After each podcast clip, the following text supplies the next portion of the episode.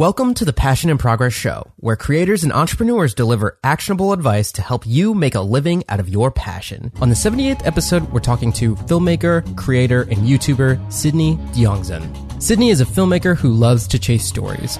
On YouTube and Instagram, he's helping people become better storytellers through practical tutorials, cinematic visuals, camera gear reviews, and behind the scene vlogs. He's worked with brands like Mazda, Google, and Sony on campaigns all over the world.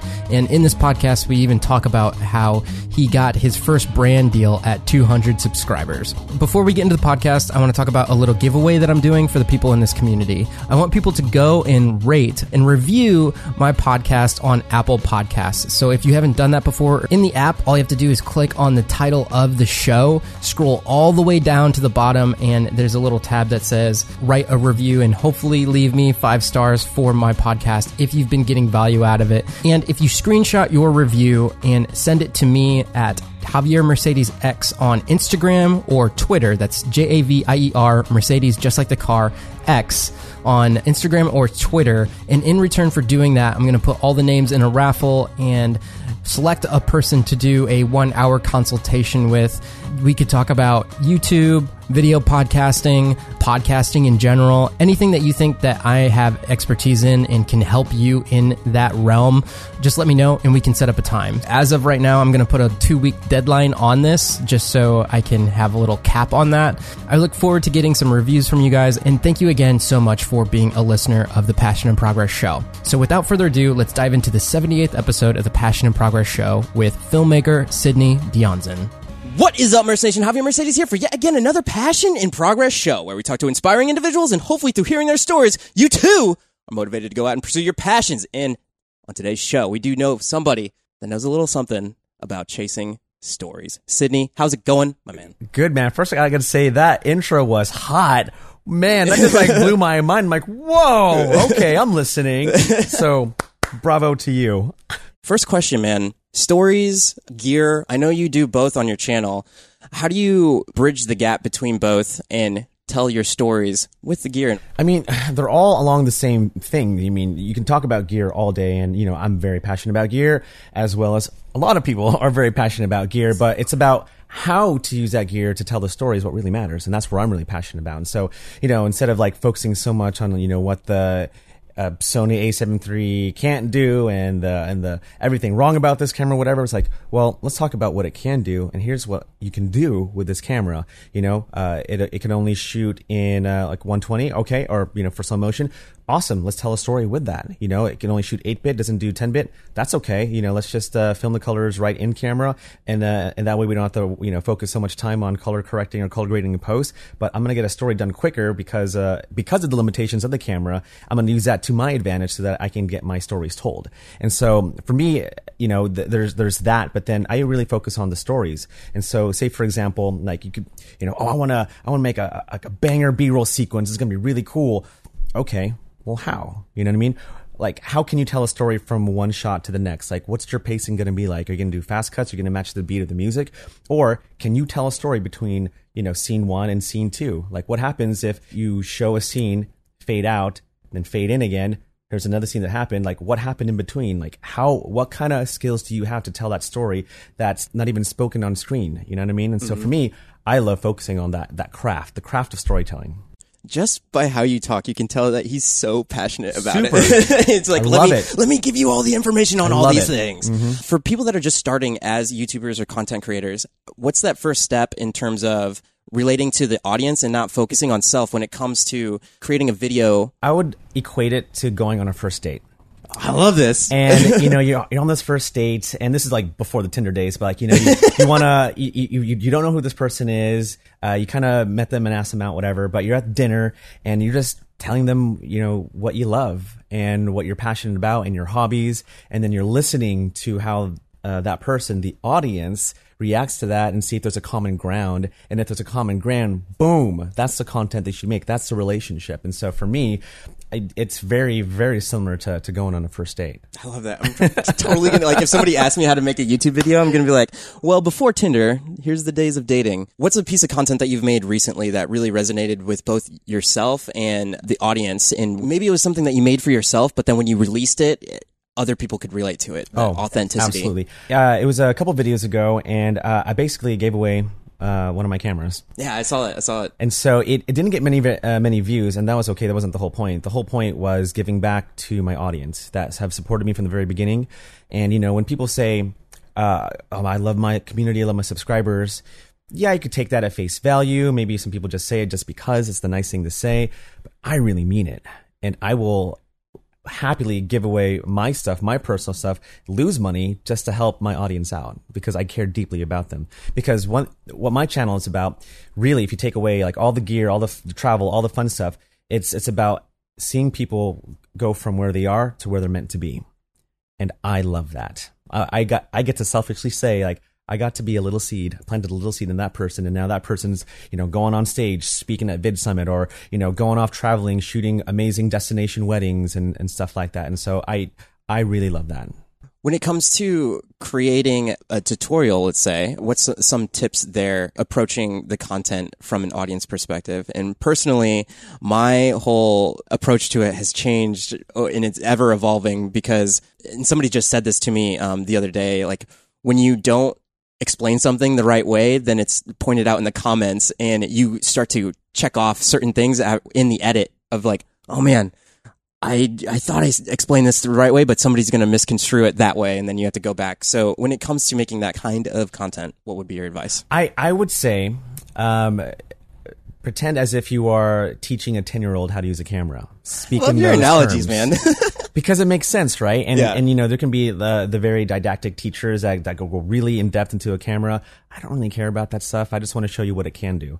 And so, um, and if I am speaking to a 10 year 10 year old, I also want it to be entertaining so that you know you don't get bored throughout the tutorials. Like you're having fun and you're getting value at the same time.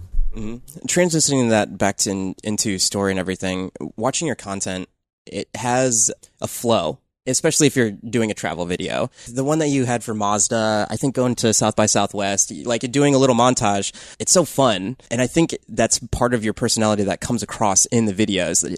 The word fun and um, but it's authentic. Uh, would you want to touch on that? Yeah. So you know when you're doing a, a campaign deal like with Mazda, like eh, you know I I hate commercials. I really do. I hate even some of the tutorials I do or product reviews I do. It's like oh, it's just too commercially, whatever.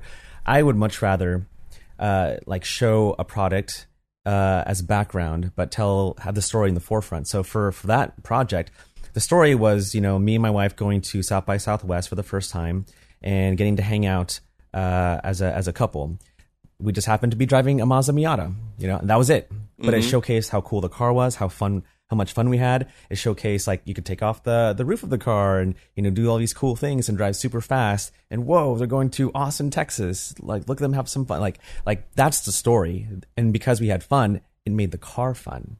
So there's that psychological connection, and that's why you know that's why that that campaign worked. You know what's crazy is I said the word fun and I was associating that video with fun and just through the subconscious of what you did in that video, even if you weren't even thinking about it, that's the thing that appeared. That's the idea that, That was, in a my goal. mind. That was a goal. Boom, achieved. Crazy, crazy.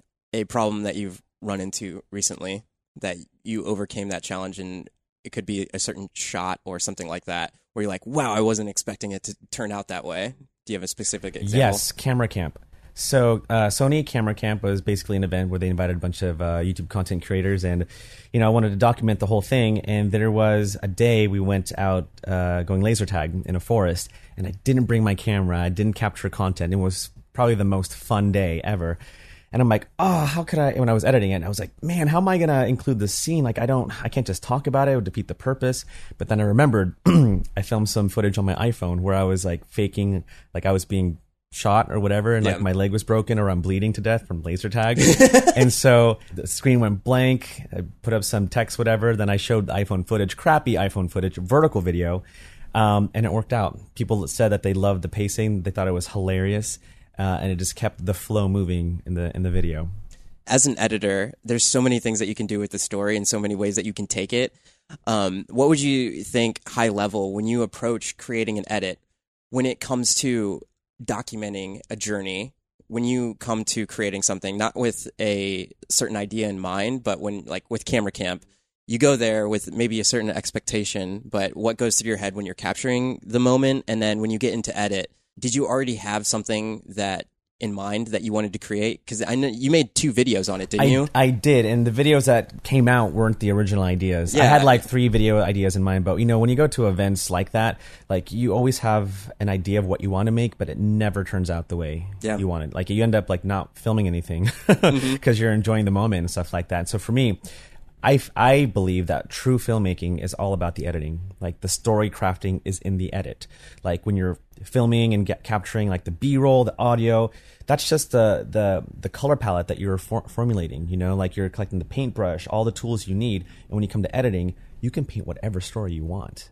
You know, and for me, like that's where the true art of filmmaking is in the edit. So you you, can, you don't just find the story. Well, I guess when you when you do something like like camera camp or or go to the Arctic with Mazda, you have to trust in yourself that you're going to capture the story, and then when you edit, you know, hopefully you'll feel that same way, or maybe even find a better story to edit. And so uh, it's craft. It's all about craft.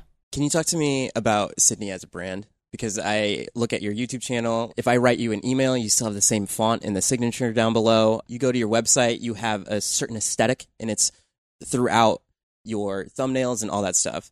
Personally, I can really appreciate it. But um, how long did it take you to get to that point? Uh, not very long because I'm very OCD like that. Like if I, and also Yeah. I'm very lazy. So if I'm like, uh, okay, that works. Okay, cool, awesome. I'll stick with that, I guess. Or if like, oh, that's a nice font. Yeah, okay, I'll stick with it. And so, uh, I like purple, deep purples and blues and blacks. Oh, okay, I'll, I'll stick with that. Yeah, it just, you know, so you make a, you make the decision and you stick with it. yeah. Do you think that? I mean, I'm sure at some point when you were creating a thumbnail, if it didn't fit with your aesthetic, where you're like, I'm just going to go with the thing that I think that this should be, or were you trying to fit within your Yeah, brand? and you know, thumbnails are funny because I'm still trying to learn how how to really play that game. Uh, but no, I don't really try to keep to a, a color scheme when it comes to my thumbnails.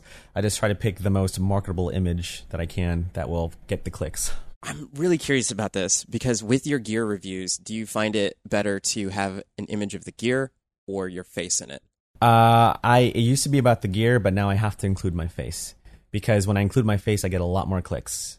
There's the bit of advice. Yeah, Mm-hmm. for sure. There's some really nice pictures of gear too, like when they make it float and everything. And I'm always curious as to And if that they can A- work. if they A B tested it and like that Yeah. was the photo that worked. I'm not sure. Yeah, you can absolutely, and I've seen successful videos do that. Like I know Donna did it, does a great job at floating uh, photography and thumbnails. But uh, but you know, for I guess for my channel, like whenever you see a face, my face, or you know, just a person in it, there's a lot more clicks than without. what goes through your head when you are choosing what to get rid of? For me personally like when i'm making a tutorial there's sometimes when i have to like really dive deep into all right i don't know if these people are going to know what this is. If they don't know what this is i'll have to explain it but maybe i'll lose viewers on that. So you have to play this happy medium. Like what goes into your head when you are making cuts to an edit Um, it's it, it depends. For me, number one is pacing. It, it has to flow right. If it doesn't flow right, whether it's seven minutes or ten minutes long, then I got to cut out what doesn't work.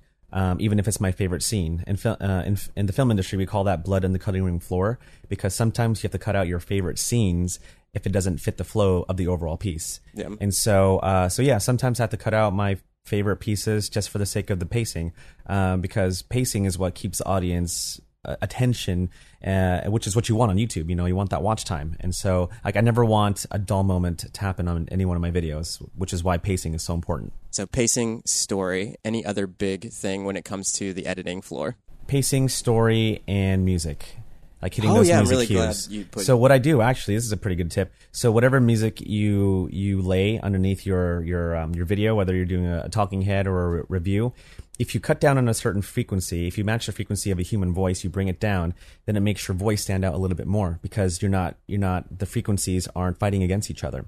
So say for example at um let's see 1k, uh, if you lower that down like like about maybe six seven dBs, that will subtly improve the quality of your voice because you can hear the person talking more and less of the music. So instead of lowering the volume of the of the music track down, you know, lower it down, but also lower that frequency down by six dB, and you'll get for a much cleaner and clearer uh, voice audio. yeah do you select your music before you make the edit Always. okay Everything is based on the music Can you make an argument as to why to do that?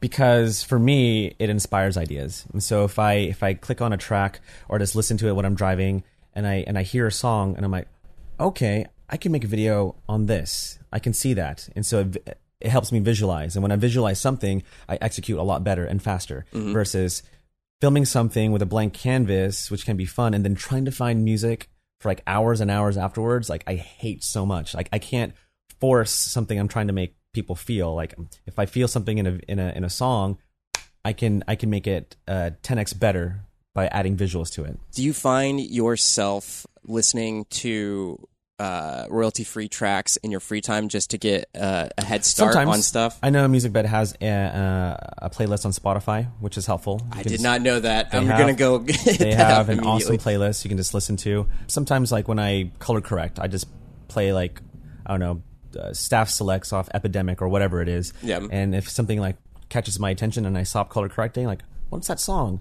Okay, I'm gonna add it to the vlog playlist because that can go in a really good vlog. That- I love that. That you do you have like a tutorial playlist, like talking Oh head yeah, playlist? I got a tutorial playlist. I got vlog playlist. I got a fun dancing playlist. Yeah, I think one of my hardest ones to always find is talking head. Like when you're when you're doing a tutorial or something like that, you need something that doesn't clash. yeah, something lo-fi. Yep. Lo-fi. It's such a hip term, a hip hop term right now in the in the search algorithm. Yeah, I think music, pacing, and story. Three little tips there for all the editing Mm-hmm. things. When it comes to the formula of a story, we could go real Yeah. cliche with arc Yeah. and all that stuff. What does it mean to you, and how do, how how would you explain story in terms of what you do on your channel? I would say Cody Wanner says it the best. Like once you hook them and give them the payoff, like that satisfaction at the end is is what I want to leave the audience. And so, and that's what you get with a, any great movie. You know, you get hooked in and you see that that ending, uh, whether it's a cliffhanger or, or a good ending or whatever. Like if you have that satisfaction, that payoff, oh man, that makes it's like eating chocolate. That makes the audience wanting more. Yeah. So that's that's what I try to achieve. Would you say that a lot of the success on your channel stems from the effort that you put into story on your videos? Is it that you have great searchable content with the gear that you're reviewing? What's what's the secret sauce? I, I think it's a bit of both, being both uh, smart as a marketer and also too caring about stories. Like people know me from for stories, which is good. People keep telling me, "Man, like the the storytelling in this video is amazing." Uh, That's because I care about it and it's easy for me. And so, uh, so yeah, so it's it's caring about the craft, but also being being a marketer. Because as a YouTuber, you're not just a content creator; you are a marketer, you are a copywriter, you are um, a, sales person, uh, you're the, you're the entire sales team, your customer service. If you're reviewing a product, like you are wearing so many hats. So you being a YouTuber, like I know gets a lot of hate these days, but man, it is such it is such a prestigious job to have if you really think about it, because you got to be super talented to be a YouTuber or content creator. Yeah, yeah. Both of the terms kind of intermingle. Yeah. If somebody was just starting out right now, what would you suggest to them to really jumpstart their channel? Uh, I would say pick up a camera and just start testing around. Film what what inspires you. Film what what you love. You know, if one clicks, cool. If one doesn't, move on. Just film things that you enjoy until something catches. It's like fishing. Just keep casting that line until you catch something. Sidney's got all the metaphors. I love Dude, it. story, man. It's all about stories. I'm telling you. Um, okay, so let's move further down the path. They have a decent uh, grasp of what to do when it comes to creating a video. How do they secure, besides like monetization and everything, how is it for your first brand deal? How did you seek that out and things of that nature? Uh, not very long. At, at 200 subscribers, uh, I wanted to start doing brand deals, and so uh, I was told to wait until I had a thousand, so I had a bit more clout, and then I can reach out to a brand. But I was like, screw that, I want it now. And so I, I wanted to review a backpack that I really loved at the time. And so I, uh, I, I found out, uh, Googled who the director of marketing was for this for this backpack company. Found his number on LinkedIn, gave him a call on his cell phone, and say, "Hey man, uh, I'm a growing content creator on YouTube. I'd love this backpack. Can I review it?" And he said yes. And so that moment on, I was like, wasn't that hard. I can do this. And so, so that just began the journey of, uh, I guess it built up my confidence to, to reach out to brands, even by calling them on their cell phones. And, uh, you know, I, I maybe got a few no's, but for the majority of the time, like gotten a lot of yeses. Putting yourself in those situations of uncertainness, uh, uncertainty, like in pushing yourself. When was the last time you did something like that? And then, I mean, it couldn't be like sales or whatever, but when when was the last time you were like really pushing, like, oh, I'm putting, I'm making myself uncomfortable, but it's like good. Probably at my first VidCon when I saw Sean Cannell. He was just walking around, and I was at maybe 2,500 subscribers at the time, and I'm like, oh my gosh, I follow this guy for years. Uh, should I just meet him? Should I should I have him in my video? And so so super nervous. He said yes to the collab in the video. So went up right up to uh, right up to him, and uh, since then we've been like friends. And so it's like people don't have you, you don't really have anything to be afraid of really it's all perspective uh, the perspective of fear perspective perspective of rejection like it's just in your head but if you go out and just do it you know if you want to go get something just do it like what's the worst that can happen again like going out on a date or asking someone out if they say no it's a no and if they say yes great awesome we're gonna have a great time Love it. Love it, man. yeah, I love how I like even in doing a podcast, you're still tying all of your ideas together. It's awesome. So let's continue further down the line. I know you have your own products. So how was it developing that? At what point in time did you do that? And what was the like when you first I know you have LUTs. Is there other stuff that you have too? Uh, I'm working on presets for Premiere and Final Cut, uh, but I am working on a filmmaking storytelling course. I think by the time this is released, it will. I mean, if you do release it in It'll three be out, weeks, yeah. it, it, will be released. Do you want to talk about that? Oh yeah, so this this is going to be the most entertaining, fun uh, course on storytelling that you'll ever take because I'm going to take everything that I learned in film school, everything I learned working in Hollywood studios, doing YouTube, working with brands. I'm going to put it all in a simple five course package that you can learn in a weekend. Five core. Five mon- uh, what is it? Five lessons. Yeah, I was I was about to be like, whoa, One buy course- one okay, course let's be and get clear. five courses. One course, five lessons. okay, okay, okay. That makes way more sense. Are you still developing it? Still And, developing like, it, finishing how, touches. How, how's the journey been for that? It's been it's been like ten years in the making actually because I kept all my notes from film school, knowing that I would make a course one day, and so, so I you guys know you're going to be getting the good stuff. so I'm I've collected everything. I put it out uh, in a in a really really fun format that you're going to learn, have fun, but you're going to take away a lot of practical things with it too, which is what I want. You know, I want people I want people to to come away taking uh, taking this course, um, knowing that man, I'm a good storyteller.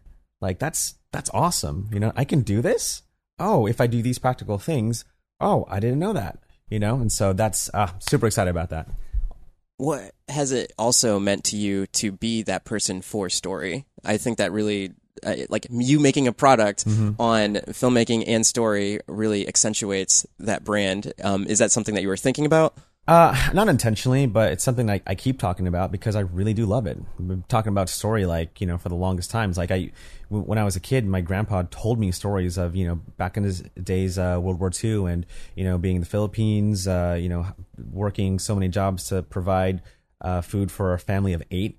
And so like like I would be in uh, just told story after story from my family, and I just just fell in love with it. And even with my kids, like they have to every time they go to sleep they want a story from daddy not from mommy but from daddy He just had this. For those that are just listening, he had such a smile on his face when he said that. that's right and so uh so yeah so stories like just run deep in my family and even now in my kids it's really cool that they just can i hear a story daddy any story can i have a story about this i'm like yeah you got it And i'd make up a story on the spot but uh it- it's just it's so fun and i, I love i love painting that visualization like for people yeah. When you do create your videos, do you have bullet points? Do you have a script for those ones that are kind of like that way? talking points so three to five talking points and i just go off that How long did it take you to get to that point? Uh, probably 15 videos in. I did start scripting it when I first started, and I was like, I'm taking way too long scripting this thing. So I'm like, here are the main talking points, and I'm just going to talk about it. And ha- have you always been comfortable public Oh, yeah. speaking and all that stuff? And so, since because it becomes natural, I'm Filipino, man. Come on. Of course I'm comfortable in front of the camera and on stage. yeah. Well, I can tell from like just how you interact with the camera. But I I like to ask that question because a lot of people don't understand where like maybe like we were just listening to Peter McKinnon do his speech. Like you don't know where he came from and how much effort that he's put into filmmaking before he even started YouTube. So I'm always curious to see where you were at before you picked up the the craft of ewing the tubes. Uh, let's see. I was uh, freelancing, uh, doing a lot of weddings, and uh, I just didn't want to do that anymore. And so I wanted to make stuff for me. Um, and I saw that it was financially feasible on, a, on when YouTube came on. And so that's what I wanted to do. I wanted to make content for me. And um, I guess it was just a frustration and being disappointed from like film school and trying to climb up that that Hollywood ladder. Uh, but when when YouTube came along, a distribution platform that was free for everybody, like that's that's what I wanted. I just wanted to create. hmm Best investment that you've had in the last year. Best investment. Oh my gosh. Um, I got to say my phone because I've made so many connections with people on my phone. Like, uh, made a bunch of friendships on YouTube. Uh, through YouTube now, like they're like my best friends, and then we connect whenever we go to events like Vid Summit, VidCon, NAB. Like this is that's our time to hang out. Um, even talking with people through Twitter from my phone, uh, and then getting to know people like Leela, and you know hanging out with Peter McKinnon finally, and you know being friends with Roberto Blake. Like it's all because of a, a single device that you can use to just to connect with people and share your stuff on. And so the phone, like I will invest heavily on a good phone so that I can use that to connect with other people. It's a legit answer. It's true. it's not just a phone anymore, really. Yeah, yeah. Oh man, I never thought about it that way. Um, second question I ask everybody is why do you do what you do? I do what I do because I believe in the power of story. And I selfishly want to tell every story in the world. I know I can't. So the next best thing I can do is to help other people tell their stories so that they can go out there and tell far greater and better stories than I ever will. Man, I can really appreciate how fast you can answer these questions. You don't have to think about it. No, but there's power to that in in the fact that when it comes to content creation, if you know what you're all about and where you want to go and who you are as a person, when it comes to making the decisions, even as far down as minuscule as a certain edit, you need to take out a certain part. Does it agree with my values or not? And it could be like, well, is this, do I need to cut out this air or not? I mean, that's really like nano, but just the way that you are able to just like this is this is my opinion on this and I can just say it because I know I think attributes itself to how successful you are right now on the thank you. on the platform. Um, and speaking of success on the platform, if somebody was starting out a YouTube channel and it could be in any uh, genre, whatever that may be, what's uh, the best piece of advice that you would give for the long haul from uh, where you started and then where you're at today? Uh, learn how to get up. Like you're gonna get knocked down, punched in the face, and bloodied up, and that will happen to everybody. You're gonna get negative comments. You're gonna get low views, and when that happens, and when it does, dust yourself up and pick yourself up and try again. Like I said, he knows the answers. he knows the power to the secret. Where can people find you? You can find me on YouTube, Instagram, Twitter, and now TikTok. Just type in uh, Sidney Diongzon. I'm sure you'll put it in the show notes. Mhm, I have a weird name, but I'm, I'm sure you'll find me somewhere there. yeah, for sure, for sure. Thank you so much for your time, man. Anytime, man. And until next time, if you guys wanted to share this out, you could, you could just maybe write down the URL of this podcast on a piece of paper and mail it to your best friend. And until somebody does that, I'm going to keep saying that at the end of this podcast. But if you don't, you could just share it on Instagram. Tag me at Javier Mercedes X. And until next episode, go ahead, go out there and live a life of abundance.